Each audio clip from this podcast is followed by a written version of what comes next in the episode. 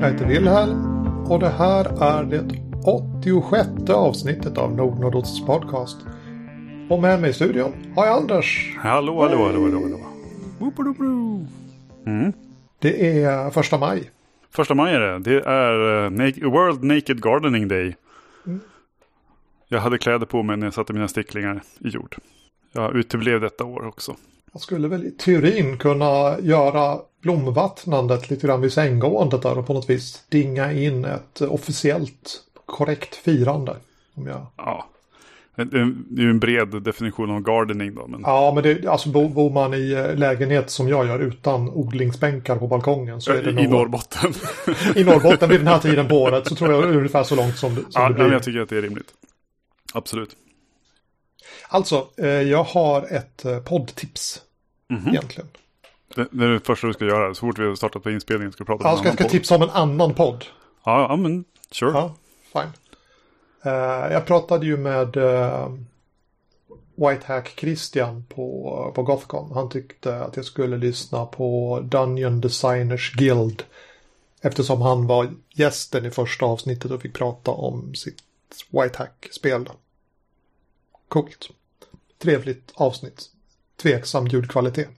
I avsnitt två så har den här podcasten eh, lyckats locka till sig Mark Miller som gäst. Alltså farbrorn som skrev Traveller Mhm. från, eh, ja, från 1977. Då.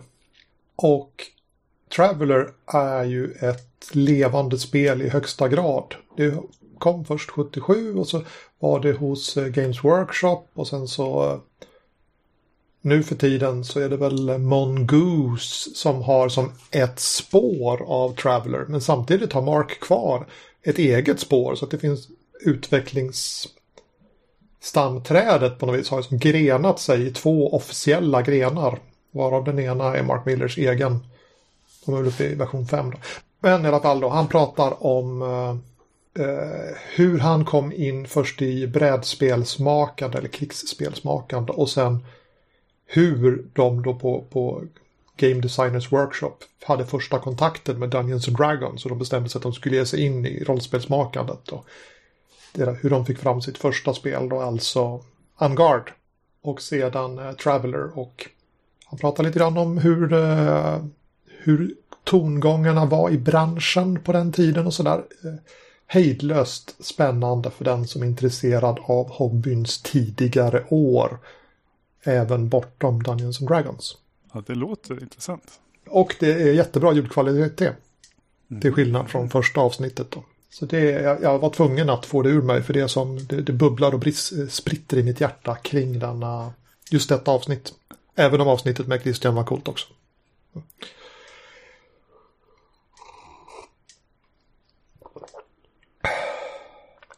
Är det te?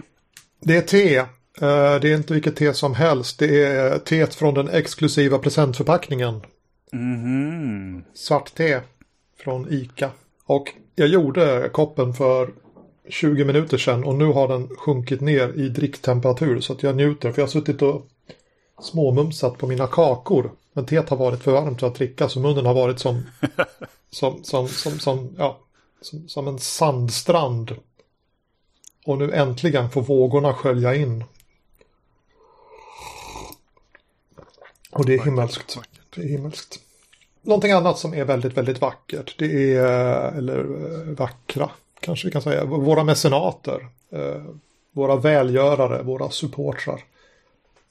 eh, Som lyckades eh, bli så många och så generösa att vi nu är uppe i den här magiska 10 dollars gränsen som jag pratade om i förra avsnittet. Så eh, ja, jag ska göra det här avsnittet och sen så ska det väl bli något avsnitt till innan maj månad har nått sitt slut. Tycker jag Det hurrar vi för. Hurra, Ja, hurra, hurra. hurra, hurra. Och, och framförallt hurra, hurra för våra välgörare och mecenaterna. Utan er hade det inte blivit. Anders har redan tingat att han ska få Piggelin för dessa, denna förmögenhet. Ja, inte hela, men alltså. Som en, En, en Piggelin. Vi ser väl fram emot att pestens tid ska gå in i en mer avtagande fas så att det kan bli ett Gothcon där vi kan träffas och sitta i solen och äta Piggelin. Ja, men precis. Det är drömmen. Det är drömmen. Jag eh, tänkte att vi skulle prata vad vi har spelat sen sist. Det är ju lite mindre än en månad sen. Så jag hoppas att det kan vara en ganska begränsad lista. Eller hoppas och hoppas, men det kanske är en begränsad lista. Ska du få börja eftersom jag har pratat stort sett genom hela introt. Ja, ja men jag tänkte vara ganska kortfattad. Det, det har varit spel i kampanjen när jag är med i Dungeons Dragons-kampanjen. Eh, och eh, där har vi stött på en första patrull med, med spejare från hundarna som är på väg österut. Det är ju lite folkvandringstid sådär som vi spelar i, även ifall det är DND. Så att eh, nu minsann, nu är det, nu är det äventyr på gång. Det var det innan också förstås. Men. Och eh, i eh, fienden ibland oss så är vi uppe i Middenheim. Och eh, stökar runt, eh, fraterniserar med lokal adel. Och eh, med eh, mer eh, ljusskygga element av staden och sådär. Eh, jag hann med att spela någonting Gothcon-helgen också efter att vi spelade in. Det var på söndagen där så körde vi ett av bidragen till eh, den här pulputmaningen som har varit på rosby.nu. Hur man skriver en GE Trent-roman. Eh, spelade vi ett, ett, eh, ja, men ett pulpäventyr eh, med en uppfinnare som hade tydligen hade gjort någon sorts laserstråle och så dök det upp en kvinna med en tatuerad skalp som tydligen tillhörde de sammansvurna som var i lag med någon sorts uh, uråldrig fasa som uh, ville ta och störta uh, makten i, i Panama på något vis. Den här boken döptes till eh, jävlar Panama, Panama, pa, ja sådär va. Gothcon, Göteborg. Eh. Ja, som, som jävlar anamma fast det blev jävlar Panama. Ja, precis. Ja, det är fantastiskt roligt. Ja, ja. Jag, jag, jag tröstar mig med att jag inser att den engelska titeln måste varit The Faceless Threat. För att det var, det var liksom ansiktslösa varelser som är som otäcka och så här, sög hjärnorna ur briljanta forskare och sånt där. Så, ja, liksom eh, befästa sin makt. Så det var fränt. Sa du vilket regelsystem ni... Ja, det är, spelet heter Hur man skriver en G-Trent-roman. Okej, okay, jag trodde det var ett äventyr som nej, ett, nej, alltså det är ett, ett spel. Ett, nej, det är ett spel. Det, det, det är ju eh, Simon Genesis Pettersson där som har skrivit. Så det är ju det är ju ett eh, formmässigt så här eh, det utmanas att, att eh, hela tiden vara på en positiv sidbudget. För vi vet vissa saker håller eh, läsarnas intresse uppe. Att det, att eh, det förekommer våld, erotik eller skräck till exempel. Eller att någon av huvudpersonerna gör någon signaturgrej. Som att eh, slå någon på käften eller bli förälskad eller något sånt där. Så att, att, att göra ett nytt kapitel, det vill säga en ny scen, kostar visst många sidor. Att introducera, eller att ha med vissa personer kostar sidor. Så då måste vi se till att göra intressanta saker i scenerna. Så det är en sån här pyssel på det viset. Eh, väldigt otraditionellt då, utan mer en berättarutmaning liksom. Nice. Ja, det var rätt gött. Eh, han skulle fila lite till på det, men det är helt spelbart som det som det är inlämnat i. Kan länka till tråden när man hittar det. Schysst.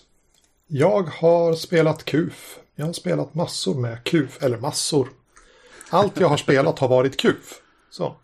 Jag har ju privilegiet att ha dels spela i eh, Mattias grupp. Där han för krönika på rollspel.nu. Den här eh, Kaliforniens mörka torn kampanjen. Och sen så spelleder jag min, min egen första kampanj då. Som jag väl på svenska då har fått kalla Rechnojgorods alla universitet. Och de är ju lite grann olika i uh, stil. lite. Och uh, även om vi jämför med uh, den här första kampanjen som Mattias körde, den som hette Norrlands inland, som han väl fortfarande småpetar med för att den ska släppas någon dag som, som produkt. Eh, så är det ytterligare en sort. Jag pratade med vår vän Sebastian om detta. Eh, han hade ju läst KUF och spelat KUF. Och hans äventyr var ju ytterligare en helt annan eh, stil och känsla. Samtidigt var det så att han hade läst spelet och förutsatt att ja, men det är ju så här det ska vara. Så han hade gjort den, den naturliga grejen hela tiden. Här, eh, vad heter det? Improvisationsgrej som vi fick via Play Unsafe också. Gör alltid, do the obvious, gör alltid det uppenbara. För att det som är uppenbart för dig är kanske inte uppenbart för någon annan. Mm. Eh, och han reflekterade över det då, att han hade gjort det som var uppenbart serverat av, av Han tyckte inte att han hade som skruvat till det, han gjorde det bara precis som det stod skrivet och han fick det där. Och sen så läste han om Mattias eh, första kampanj. Jag bara, jaha, tolkade du det sådär? Och sen så läste han om Mattias andra kampanj. Och, och han bara, jaha, tolkade du det sådär? Nu? Och sen så nu läser han om min kampanj som väl på något vis är vad jag hade i huvudet när jag skrev. Jag försöker inte vara Eh, listig eller unik eller något sånt. Jag försöker bara göra det uppenbara. Och det är då en, en fjärde grej från, från, från Sebastians perspektiv. Och vi är ju hamnat i ett ganska intressant samtal där om eh, att det finns minst två sätt att eh, skriva spel. Och det ena är eh, det, det, den varianten som vi då har i KUF och i större delen av min utgivning att det skrivs saker som är så allmänt hållna att de kan tolkas lite grann hur som helst. Och, och så måste spelledaren eller spelgruppen tillsammans avgöra vad man ska göra av det här lite, den här lite luddiga formen, alltså hur den ska se ut nu när vi ska spela. Oavsett om det är avsiktligt eller inte, antar jag att man kommer med in med sina förväntningar och så blir det precis det som man hade tänkt sig eller att man faktiskt måste pausa och diskutera hur ska vi tolka det här, vad ska det vara, vad ska det vara. Och det är som en sorts spel. Och sen finns det en, en annan sorts spel bredvid som är kanske mer, eh, mer omfattande i sina beskrivningar, tydligare och säger mer. Och jag, jag drar till med Eon här bara för att det är som ett så tydligt exempel som alla känner till. Och man kan göra miljoner saker med EON, det är inte det, men där finns en tydligare mall för hur världen ska vara. Hur det ska funka, vilka man ska vara som rollpersoner och andra. Det blir som ett tydligare spel. Och där, om man ska spela det som det står skrivet, citattecken, så får man lägga tid på att förmedla det som står i boken, inte identifiera eller utveckla. Jag tyckte det var en intressant tanke. Mm, mm. Jag vet inte om den har någon praktisk användning överhuvudtaget, men det var en distinktion på spelmakande eller spelläsande som jag inte rakt upp och ner hade tänkt på tidigare. Det känns som en grej som kan få ligga och marinera lite grann så kommer den komma tillbaka på något annat, ja. något annat vis. Exakt vad som har hänt i de här eh, KUF-kampanjerna då, för att lämna mitt eh, stickspår framgår ju med all tydlighet i de otroligt omfattande krönikorna som går på, går på rollspel, rollspel.nu. Mm. Jag länkar i show notesen för de som vill se vad som, eh, vad som händer. Ja, jag tycker det är läckert. Jag hade eh, inte gärna orkat skriva scen för scen-krönika tror jag. Utan det känner jag lite impad på. Och så, så att jag tänkte på, men vart var tog den här personen vägen nu då? En av studenterna i i din kampanj som jag tycker inte sett ja. på länge. Men det är ju för att det var ju samma spelmöte som jag inte kunde vara med på. ja, just det. Det kändes som att det gick framåt så pass för de andra. Så, att, ja. så att jag, ja. så saknade bara, det har hänt någonting, varför, varför är den borta? Ja, nej, Jurys spelare har missat. Mm, ja, tyvärr. Jag var tvungen att scrolla upp och är, lista ut hur det hängde ihop. Vux, vuxna människor med jobb som eh, inte är kontorstid i, i gruppen då, i den tyska gruppen. Ja, just, just. Så att var, varje spelmöte är på nåder. Vi börjar klockan åtta på kvällen. Och typ halv nio vet vi vilka som har hunnit hem från jobbet för att kunna spela den kvällen. Så att det är... Ja, just det. är... Ja, alltså det är frustrerande. Men det är också där, på, de, på de premisserna vi har kommit överens om att den här gruppen ska fungera. För att det är på det viset eller inte alls. Mm. Så vi, vi träffas, vi ringer in i en sån här eh, konferens vid åtta tiden och sen sitter vi och de som dyker upp sitter och smågafflar fram till ja, halv nio ungefär och då kollar vi, har vi nått så många deltagare att vi kan spela? Och då gör vi det, annars så önskar vi varandra godnatt och går och lägger oss. Första gruppen jag har haft som har funkat på de premisserna. Mm, mm. Men det är väl lite eh, West Marches-aktigt ändå. Att, Ja, precis. in, inte riktigt, men, men, men lite grann åt det hållet blir det. Vi har lagt nästan 20 minuter på, eh, på att tramsa i början. Men jag har faktiskt eh, två ämnen. Ett kort och ett lite längre. Och jag tänkte att jag tar det korta så att jag hinner med det. Och det är en, eh, en spaning. Det syns det fortfarande det här radioprogrammet Spanarna där komiker eh, reflekterar om någonting de har sett i sitt liv och så försöker de då hävda att detta är en trend, en spaning, en, en kulturell rörelse, en skift i vårt samhälle. Och jag antar att jag är otroligt sen till partyt här, men jag har då varit på Twitter i knappt en månad och jag har noterat en sak. Mhm. Jävlar med AP-poddar det finns. Och, och framförallt jävlar med AP-poddar som spelar Dungeons and Dragons 5th edition. det surprise, finns. surprise. Surprise, surprise. Världens största rollspel. Och det är... Alltså det är jättelätt om man sitter på typ rollspel.nu eller på uh, den här bräd och rollspel... Nej, brädspel och rollspelsforum. Ja, namnbyte där ja. Jävla katastrofalt namnbyte. Eh, men, men i alla fall om man är där. Att tro att det finns andra rollspel än Dungeons and Dragons, Dra- Dungeons and Dragons 5th edition. Man, man får gärna det intrycket att det finns många spel. Och en del spelar till exempel Dungeons and Dragons 5th edition. Mm. Men jag har nu Twitter. Och jävlar, det finns ett spel. Och det heter Dungeons and Dragons 5th edition. Och det är det man spelar. Och man spelar inte hemma. Eller man kanske spelade hemma. Men man spelar inte för sitt eget höga nöjes skull. Utan man spelar det online. Inför publik. Och i allmänhet med... eh, Ja, nu kanske jag drar överdrivet lite grann. Men med, med krasst kommersiella perspektiv. Gud förbjude att Nordnordost någonsin skulle bli en sån där pengatiggande, eh, publikfriande podcast. Herre jävlar. Men jag, jag har då noterat ytterligare en spaning och det är det som jag tycker särskiljer då den höga hästen Nordnordost från eh, det här moraset av Dungeons and Dragons APR. Mhm.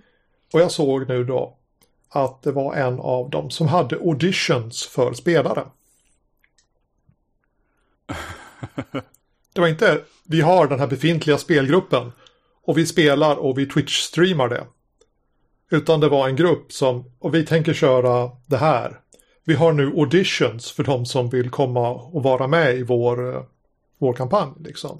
Ja. Eh, ja, perspektivet är ju för en annan obekant måste jag ju säga. Sen, sen pratas det ju om i många sammanhang när folk snackar poddar att de är så glada över att det är så lätt att höra skillnad på folk. Så att eh, en sån grej eh, är väl en del av det också antar jag och så vidare. Ja, Ja, det är intressant. ja. ja. Eh, Jag, jag, jag svarade inte på, på den där annonsen och, och bad om att få provspela. Annars, det hade kanske varit en grej för att få wallraffa lite grann i AP-land. Ja, det kanske du skulle spelat in till ett miniavsnitt. Så. Ja. Kanske kan få de där som efterlyser spelaren att komma som gäster där de får eh, förklara sig. Welcome to Socialist Sweden. Um, how do you say your AP-pod works really? We are in, eh, interested and eh, förvirrade. Ja. Eh, jag lyssnade på eh, Save for Half. Hejdlöst eh, bra old school eh, podd. De pratade om North Texas som är ett, ett konvent då, antagligen i norra Texas någonstans. Låter rimligt. Eh, rimligt. Och de sa att de var ett... Eh, det, det, var, det var inte cheap, men det var affordable. Därför att de hade inte några kommersiella... De hade inte något behov av att tjäna pengar på det. De jo- jobbade ideellt. De där kostade biljetterna 80 dollar Hoppsan. för ett eh, tre dagars konvent. Och jag, eh, precis, jag gick runt med, med lurarna på huvudet och det var som hoppsan. 80 dollars. Eh, men då tror jag att det var eh, att själva spelpassen ingår. Eh, Goth, Gothcon är ju lite billigare men om man ska spela i arrangemangen så blir det ju Tillägg, några hundralappar till. Ja, precis. Så Mm. att det, det kanske inte är rationellt, alltså fantastiskt stor skillnad. Nej, Jag har märkt att dollarn är relativt billig just nu. Så att, men ändå, Mm, mm. pengar, pengar. Ja, det är intressant. Det var min, min, min korta, min spaning. Att då Dungeons and Dragons streamande har en eh, guldrush. Det var så? Ja, det kan vara så. Eh, Vi hade nyligen en, eh, på, på Rollspel.nu lite prat om, ja de har snackat eh, nyskapande och spel som är lika varandra. Jag tror att det var i den tråden som det dök upp det här med tanken att eh, allt som produceras nu är eh, tredjepartsmaterial till 5 50 edition liksom. Mm. Och som du säger, det, det, jag blev påmind om att vi sitter i min bubbla liksom där, där det är ganska lite sånt. Okej, de har gjort en Trudvang-variant, Symbarum håller på att kickstartas i, i 5e-version. Men annars har jag ju knappt sett någonting. Men det är för att jag inte håller koll.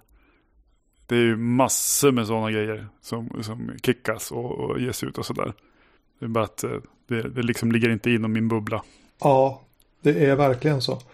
Eh, jag hänger i en, en hejdlöst rolig grupp på Facebook som heter I'm begging you to play a different game eller något sånt där. Det är som människor som har uh, ledsnat på att det enda folk pratar om är Dungeons and Dragons 5th edition utan de bara kan vi inte prata om någonting annat och så har de som en supportgrupp för varandra. Då. Oh shit. Eh, och, och där är det otroligt mycket poster om, uh, om Dungeons and Dragons 5th edition. Tänka sig. Hejdlöst roligt, ro, roligt nog då. Eh, men då var det en, en tråd om eh, någon som, någon som ville, ville bråka om eh, Powered by the Apocalypse. Mhm. Och, och vi, vi, ville då hitta någon att bråka med eftersom den här personen var väldigt förtjust i Powered by the Apocalypse. Ville att folk skulle som, exponera sig för att eh, visa att de inte tyckte om det så att han eller hon fick eh, gå till försvar. Roligt råd. Och den kände jag som mer relevant ändå på något vis. Mer, jag kunde identifiera mer med den för att jag, jag ser i min lilla bubbla ser jag nog, bortsett från Twitter, då, eh, mer Powered by the Apocalypse-prat än Dungeons 5th-prat. Och personen frågade vad, vad är det som är felet med, med Powered by the Apocalypse enligt dig? Och jag, jag, jag sitter ju på mina händer då, ska jag gå in och skriva i den här tråden eller är jag, är, ska jag akta mig? Därför att Powered by Apocalypse har kanske förtjänster regelmässigt. Men för mig är det Dungeons and Dragons 5th, det vill säga alla pratar bara om det och alla nya spel som kommer görs som hack till Powered by the Apocalypse. Ja, jag, jag känner ju att efter, efter Story Games klappade igen och sådär så, så har det ebbat ut lite grann. Jag, jag får inte höra talas om de spelen längre på samma vis. Uh, jag håller inte koll på Kickstarter alls i princip och så, och så vidare och så vidare. Så för mig känns det så här två, tre år tillbaka. Den Mm. känslan har liksom ebbat ut. Men jag, jag har ju varit där också. Ja. Så jag vet ju, Ja, vet ju hur det är. ja tre, tre, fyra år tillbaka, det är nog typ där jag, där jag finns, där, där jag är i mitt huvud fortfarande. Den här eh, AP-vågen har, har jag väl pratat om förut, men hur jävla stort det är med AP. Det börjar som, jag tänkte, ja men det, det, är något, det är något stort som andra människor är intresserade av, men, men nu sen jag kom på Twitter, då fick, får jag liksom bara, jävlar vad stort det är med AP. Att, att de har eh, lyssnarsiffror som, som mäts antal 10 potenser mer än vad vi eh, pratpoddar har. Det har jag liksom som vetat om. Men, men det är nu först med Twitter som jag som verkligen kan, kan liksom sätta en känsla på det. Hur, hur mycket det egentligen är jämfört med eh, han ska, ska kanske kalla matematiska tidigare. Det har liksom varit så abstrakt. Mm. Fint eh, stickspår, 10 minuter långt. Jajamän. vi eh, satt ju och pratade om, pratade om vad vi skulle prata om och vi blev, eh, såg den här intressanta tråden på rollspel.nu. Så allting är som rollspel.nu. Döp om podcasten till rollspel.nu kommentatorspår eller något sånt där. Ja, kanske det. Eh, Eh, där man då pratar om bucket list. Och då började vi ju prata om det, detta koncept med bucket list. Är inte det samma sak som vi pratade om i slutet på på förra avsnittet, nej inte för förra, för förra avsnittet, på Gothcon-avsnittet. Vad, vad vill vi spela?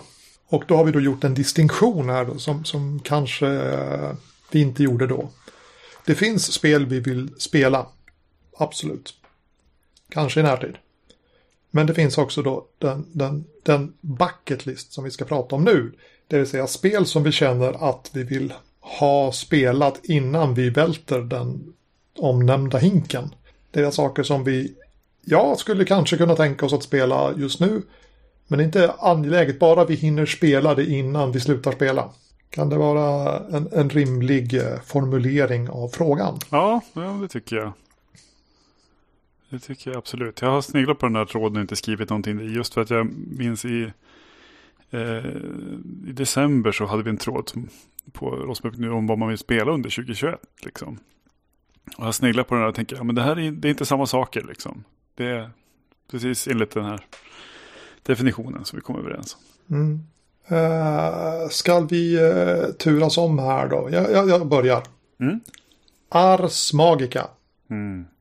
Jag har eh, gjort en gubbe för 20 år sedan. Och vi började rulla ihop ett sånt där covenant, alltså en bas som vi skulle tillhöra. Och sen så dog det, så jag har inte spelat Ars Magica men om jag spolar mitt liv tillräckligt långt baka i tiden till, till 90-talet och mina första stapplande steg på internet så snubblade jag över en krönika om Ars Magica skriven av eh, Shannon Appelklein heter han väl. Rollspelshistoriker. Nu för tiden, då var han väl rollspelare. Eh, där de spelade just krönika eller eh, kampanj i Ars Magica och jag bara jävlar, det här är det coolaste jag har sett i hela mitt liv. Det här måste jag spela. Och jag har ägt eh, Ars Magica till och från. Jag har aldrig riktigt känt att nu är tiden att spela det. Men innan min hink välter så vill jag ha spelat en, en riktig kampanj i Ars Magica med trollkarlar och en covenant och eh, companions och groggar och möten med alver och studier i laboratorier och utforskande av nya trollformler och, och allt.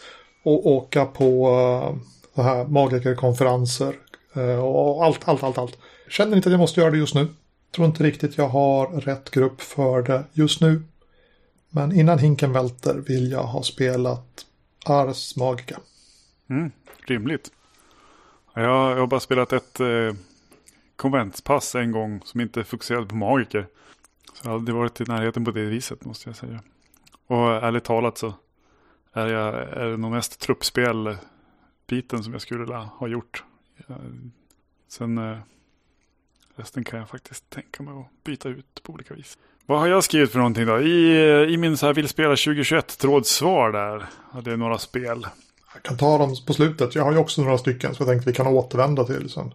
Ja men vi gör så istället. Mm. Ja men då så, då går vi till, till, till bocka av-grejen. Och då är ju faktiskt, jag har ju sagt det förut i podden tror jag flera gånger. Att jag har ju lovat att jag ska prova att spela E.ON någon gång. Bara någon gör min rollperson åt mig.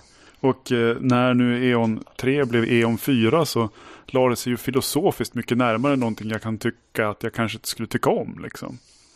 Eh, när det gick mer mot att vara ett dramaspel. Det är ju ännu mer som det svenska Burning Wheel nu ändå var förut. Liksom.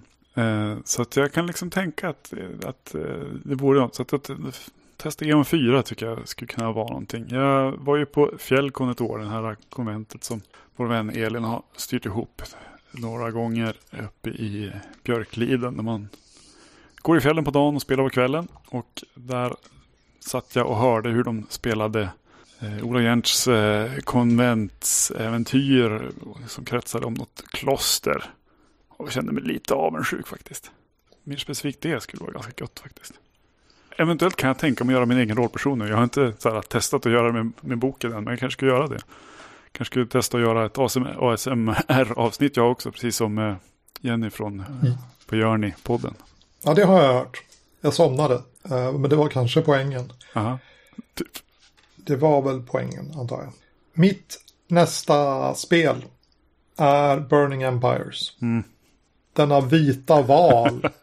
Jag har eh, varit med på tre eller fyra omgångar som har startat och sen har de knallfallit Eh, e- efter bara några få scener.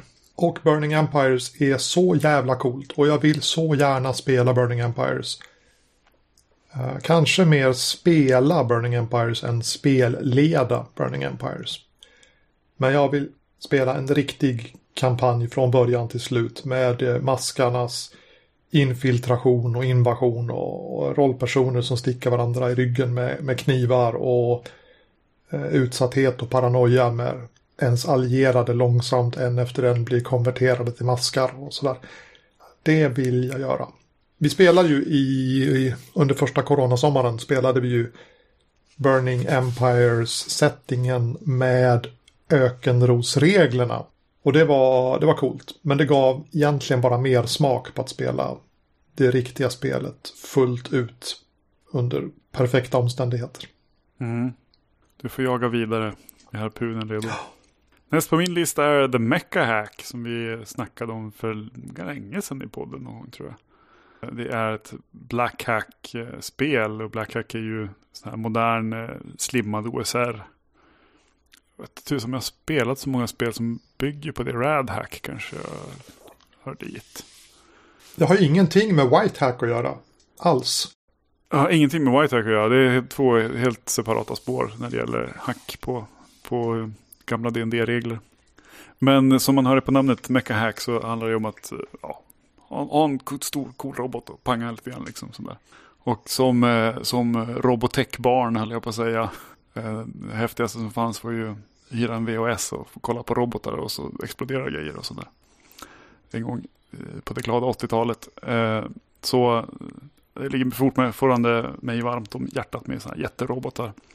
Eller egentligen så, så min favoritgrej det är om robotarna inte är så bauta stora egentligen. De får gärna vara så här fyra meter kanske eller någonting sånt där. Mer som en, mer som en eh, mekaniserat understöd för en eh, liten eh, trupp eller något sånt där. Men, eh, men eh, det är inte så mycket sånt som görs utan det är ju mest eh, bautafräsiga robotar som, som dyker upp i media. Men Mechahack vore gött att köra i alla fall. Fan, nu blir jag peppad. Ja. Eh, jag kanske får återvända till, till Mecca i, i nästa lista då. Eh, fan vad, vad, vad, vad, du som serverade det smakligt på, på tallriken där. Mm, mm. Det är pang-pang och robotar vet du. Det är gött. Mm. Och de är lite mindre. Mm. Ja, jag vet inte om de är det i Mecca Hack. Ja. Eh, men, men min ja. smak är där alltså. Ja. Eh, att, att jag, jag, skulle kunna tänka mig, alltså jag, jag, det häftigaste som finns det är, ju, det är ju pilotade robotar som blir smutsiga och rostar liksom. Mm. Eh, och det är ganska få serier och sånt där som jag har sett som, som eh, serverar det. Om någon har ett tips, droppa det i vår eh, Facebookgrupp. Liksom eh, O8 MS Team, en Gundam spin-off-serie på åtta avsnitt, är det som känns närmast. För då är det verkligen liksom den här truppen med, med sin meck. Va? Men den här mecken är fortfarande så här, jag vet inte, 12, 16 meter, 20 meter hög. Den är lite för stor för min idealsmak. Armored Armor Trooper Votoms, där eh, robotarna ser extremt industriellt tillverkade ut. Eh, en 80-talsserie. Eh, har jag också kikat på. Det är också halvnära, men det, det är inte lika inte riktigt lika snyggt och kanske lite för många mex. Jag kan tänka mig att skala ner det till att det inte, inte ska springa robotar precis överallt. Anyways, nytt spel.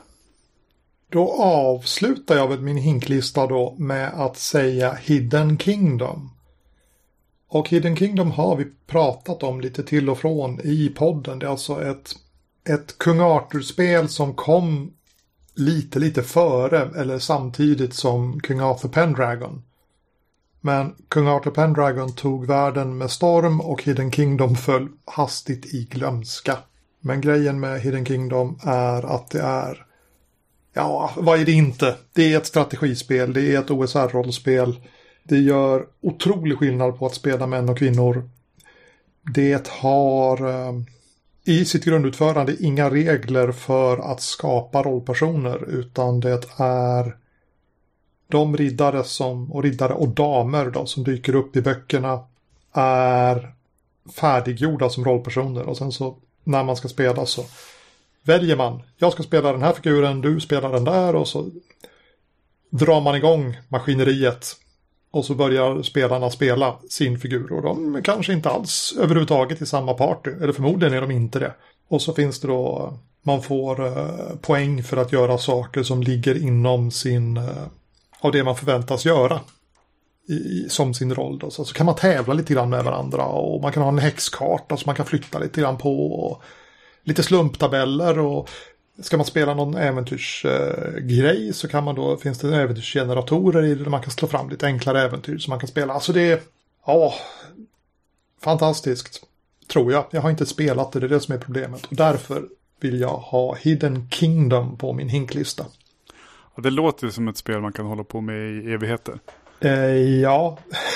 och går, din, går din riddare eller dam eller sådär och, och trillar av pinn så det finns ju fler att plocka av antagligen. Ja, ja det, det, finns ju 400 namngivna figurer i berättelsen. Så, uh, det finns ju ett visst utrymme för att fortsätta även ifall någon dör. Ja, vilken grej alltså. Uh, det är någonting jävligt läckert med det. Måste jag verkligen säga. Uh, oj, det är så, så stiligt tre stycken på din lista. Vad har jag skrivit upp då? Jag har skrivit Mörkborg förstås. Uh, det har jag inte provat än. Uh, och kanske eventuellt då hela vägen till att världen går under. Om jag nu ska, om jag ska tänka. Du har ju bara tagit kampanjer i princip. Men ännu mer än Mörkborg så, så ska jag egentligen sväva iväg och säga att Blackbox live eller Tape live. Skulle jag egentligen ha varit på. Även ifall vi nu måste ställa oss upp för att, för att göra, spela sådana saker. Jag har väl gjort någonting eh, liknande men ingenting så här riktigt. Jag ska inte säga seriöst. Det behöver inte om det behöver vara så himla seriöst det jag går på. Men eh, någonting sånt ska ju. Eh, om vi tänker oss att bocka av för att testa sådär. För att eh, det är många spelformer jag tycker mig ha, ha gjort. Med, eh, ja men nu spelar vi internetspel vi bord, spelledarlöst. Jag har spelat, ja forumspel har jag inte spelat, men chattspel har jag också testat någonting och sådär. Men då är det lite grann av en outforskad fläck.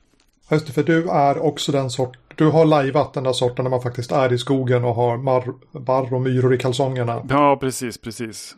Eh, det är ingenting jag har helt räknat bort, men jag vet inte, jag, jag får någon sorts konstig prestationsångest i samband med det där. Jag, jag, jag tycker det kostar mycket att komma iväg i stress inför. Eh, om jag hittar rätt ställen och, och eh, rätt evenemang att åka på så kommer jag nog göra det. Men det är mest för att ha kläderna på mig tror jag. För de är ganska fina. Fina kläder. Lite honorable mentions från saker som vi var sugna att spela på i lite mer närtid. Ja, precis. Alltså vi, vi, vi vidrörde ju det här förra, för förra avsnittet. Men det känns som folk har listat det är nästan det perspektivet som folk har haft på i den här tråden på rollspel.nu. Ja. Det är inte specifikt hinklista utan det är saker de är pepp på just nu. Ja, Får jag intrycket av i alla fall.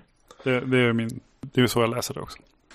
Okej, okay. eh, saker jag har varit lite pepp på. Eh, Vyrm, eh, det är ju den här stenålders, jag vet inte om jag ska säga stenålders fantasy, men det, jag tror att det är det.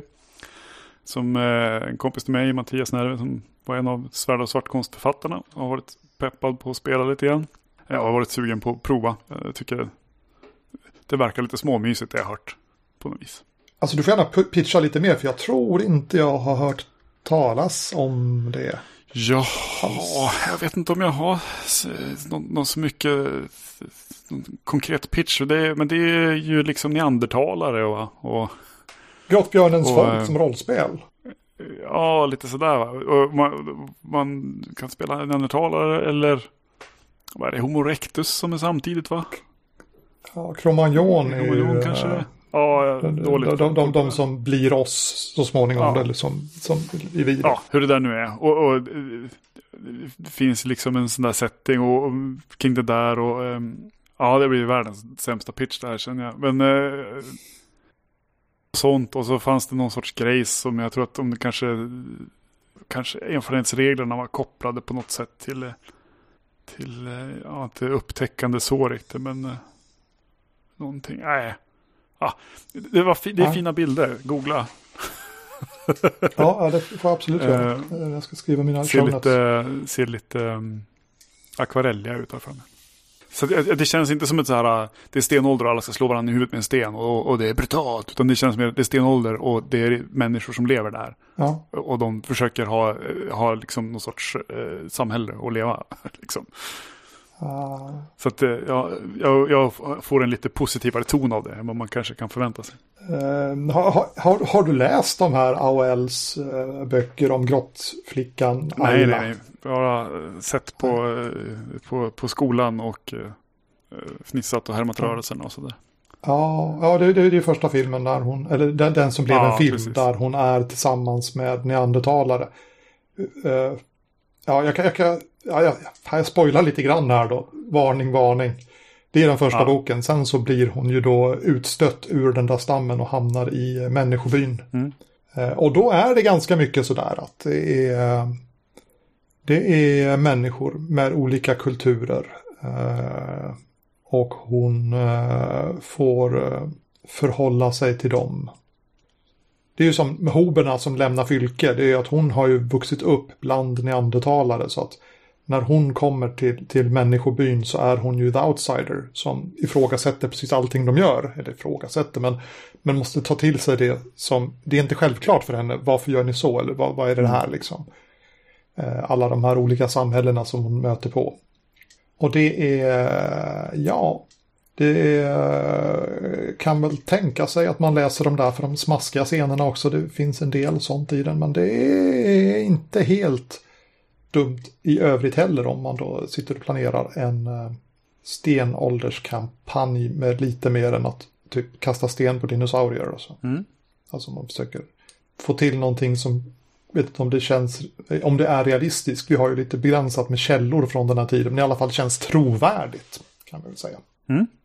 Uh, mm, tips, tips. Mitt första vill spela under 2021 är KUF.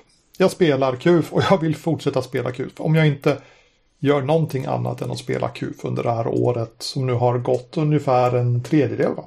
Eh, så blir jag nog inte så missnöjd egentligen. Jag har enormt trevligt med mina KUF-kampanjer och som vi vidrörde tidigare så är boken så luddigt skriven att den går att tolka lite hur som helst utan att man känner att man gör brott mot vad som står. Det är lite grann som gam DND. Va? Så här står det, eh, det finns procedurer för hur man gör vissa saker. Men sen är det väldigt mycket utanför mm. där som, som måste kläs upp för att det ska bli någonting. Liksom. Mm. Det kan finnas ett sammanhang där utan, utanför och sådär. Jag vet inte, jag kan tycka att det ja, är en av skärm, den skärmiga delarna i, i GAM DND och, och sådär. Att att det här, det här är egentligen ett toolkit. Liksom. Man, folk tror att ibland att det är ett spel, men det är inte det. Utan du måste bestämma ganska mycket. Ver verktygslådespel. Uh, eh, uh, eh, jag, jag, jag, såg det var någon som hade fått uh, Big Eyes Small Mouth senaste utgåvan. Och det var ju åtskilliga böcker, men det var ingenting som var spelklart. Utan allting var här har du en verktygslåda för att bygga typ den här sortens manga och här har du den här sortens ja. toolkitet att bygga typ den där sortens manga. Men du måste sätta dig ner och göra. Men det är ju typ GURPS fast eh, med manga-bilder, ja. jag på att säga. Mm. Uh, jag antar att det fortfarande är helt enkelt ett stort point by system liksom, med möjligheter mm. att göra precis vad som helst. Så om det finns någonting som är särskilt anime eller manga i det egentligen. Ja, jag vet att till, till GURPS försvar så finns det ju då en del uh, en del sourcebooks som är väldigt verktygslådeaktiga. Så här ska du göra typ i den här genren så har du lite inspiration och mm. tillgångar här. Men det finns ju också settingböcker som verkligen är Jaha, du vill spela Discworld. Ja, här har du färdigt förberett, bara att köra. Du behöver inte bygga nej, någonting, nej, sant, du kan bara ta boken och börja spela direkt. Det är ett stort spektra in mm. i ja, jag, jag, jag, tänkte det här eh, regelmässigt, så här, om du tänker att mm. skaffa eh, grundböcker. Liksom, sådär. Eh, nästa spel som var på min lista vill spela 2021 var Mothership. Det skojas ju nästan, eh, och, eller eh, alltså folk som blir upprörda till och med över att det kommer olika rymdspel som är typ rymd och skräck i kombina olika kombinationer. Med, med Mothership och Alien och en del tyckte att de var så himla lika och så Death in Space nu som har kickstartats klart för det här laget tror jag. Och så vidare. Eh, Mothership hamnar på min lista i alla fall. Eh, ja, spelkamraten och spelskaparen eh, Krank Mikael Bergström, eh, Luleå Karl här nere, som hade börjat fundera på om han skulle köra Mothership. Och han har inte spelat någon OSR. Eh, kan ju tycka att han verkar ha en liknande ingång till med seriespel som jag har till OSR. Så att eventuellt så kanske vi kan hitta någon sorts gemensam mark där. Så det vore kul att spela. Eh, det är ju, ja, T100 sci-fi. Och snyggt. Mm. Det är typ det som är Mothership. Eh, ja, jag, jag, får, jag, får, väl klappa mig lite grann på axeln eftersom Nordnordost faktiskt pratade om Mothership väldigt tidigt innan det blev stort. Eh, I något av de tidiga avsnitten så pratade jag mig varm om eh, det här prototypspelet. Och det var innan de innan det slog, får jag väl säga. Men jag håller med. Eh, Mothership är coolt. Men jag har någonting som är ännu coolare. Och det är Orbital Blues som jag pratade om i förra avsnittet. Eh, jag tror att det är coolare. Jag har läst bådas regler och jag lutar åt Orbital Blues som är lite mer åt indie-hållet. Medan Mothership är lite mer åt OSR-hållet. Men annars är det en hyfsat överlapp mellan spelen. Men Orbital Blues andas eh, Outland för mig och har jätte, jätte, jättefina bilder. Och även om det är fina bilder i Mothership så har Orbital Plus jätte, jätte, jättefina bilder. Jag tyckte det var skojigt. Jag har varit inne och tittat på Kickstarter minst två gånger. Och bara, det finns ingenting här som mm. säger någonting till mig. Det finns ingenting här som säger att det är sci-fi ens. Utan det ser ut som att det handlar om bensinstationer eller någonting. ja, ja, ja. Så att, ja. ja. Different strokes och så vidare. Different strokes, ja precis. Uh, hejdlöst roligt. Sen vet jag inte ifall det faktiskt kommer i år. Den, den, den fulla. Jag har inte det är färskt i minnet. Men nu när du började prata om Mothership så blev jag då mm. påmind om Orbital Blues. Och det hade jag nog kunnat tänka mig att uh, haka på. Men vart jag egentligen ville komma var uh, science fiction-spelet Ultraviolet Grasslands. Så det pratade vi om i förra, mm. för, för förra avsnittet, i Gothcon-avsnittet att böckerna har, eller boken har kommit till mig och till Mattias. Och vi har inte klunsat om vem som ska spelleda detta. eh, spel om eh, att färdas över någon så här eh, heavy metal heavy metal-tidningen då. Det vill säga lite flippad uh, serie. Ja, just. Ja, precis lite flippad uh, serie. Vuxenserie. Science fiction. vuxenserie science fiction. Ja. Alltså vuxenserie, det har ju liksom så här konnotationer av att man, man ser både snablar och musmattor och sådär. Men, uh, men alltså uh, serier för uh, vuxna ja. kanske kan säga. Mm. Och det är, ja, ja, men, ja, ja, jag vill spela. Jag vill inte dräpa någon av KUF-spelen för att kunna gå över och spela Ultraviolet Grasslands. Men jag tror att ifall ett KUF avslutas och vi landar att vi hamnar i Ultraviolet Grasslands härnäst så skulle jag nog mm. vara ganska nöjd tror jag. Jag såg någons Shelfie. Var det, var det så att boken är jättestor? Boken är uh, ja, amerikanernas A4, vad heter det? Uh, ja, precis.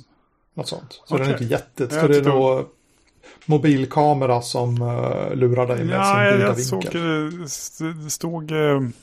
Eh, längst ut på hyllan eh, och det var ryggen. Den stack upp över de andra böckerna. Och jag antog helt enkelt att några av de andra böckerna var större. Men jag kanske kan blanda ihop det med någon annan grej också. Ja, jag, ja det är tänkbart. Jag, jag minns den som stor i hyllan. Men inte som ja, men... överväldigande stor. För att mina bokhyllor är ganska precis gjorda för att rymma rollspelsböcker. Och den gick in i hyllan. Så att, uh... Ja, men då så. Mm.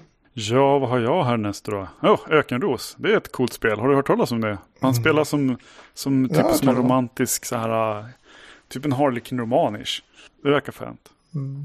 Du, du är långt ifrån ensam om det där.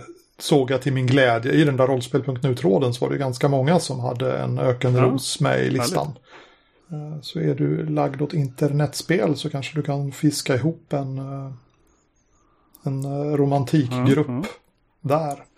Det, det, är en variant. En annan variant är ju om man skulle kunna få spela med sin kompis som läste ut en Harlequin typ för förra veckan.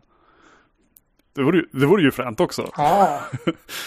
Men det vore de som faktiskt också. läser genren istället för vi som bara, ja det är coolt. För att, för att betrakta ja, som turister och sådär. Ja.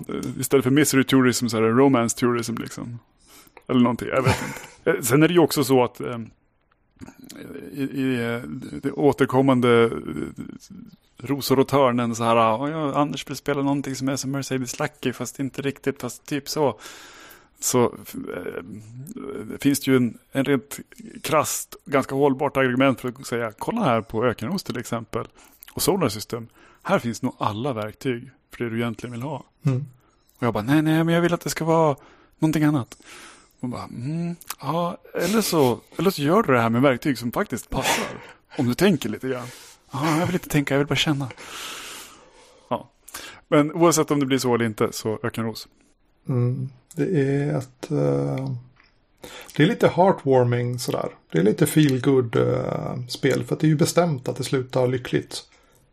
Uh, mycket av de här andra sakerna du har i din lista är ju saker som nästan garanterat inte slutar lyckligt.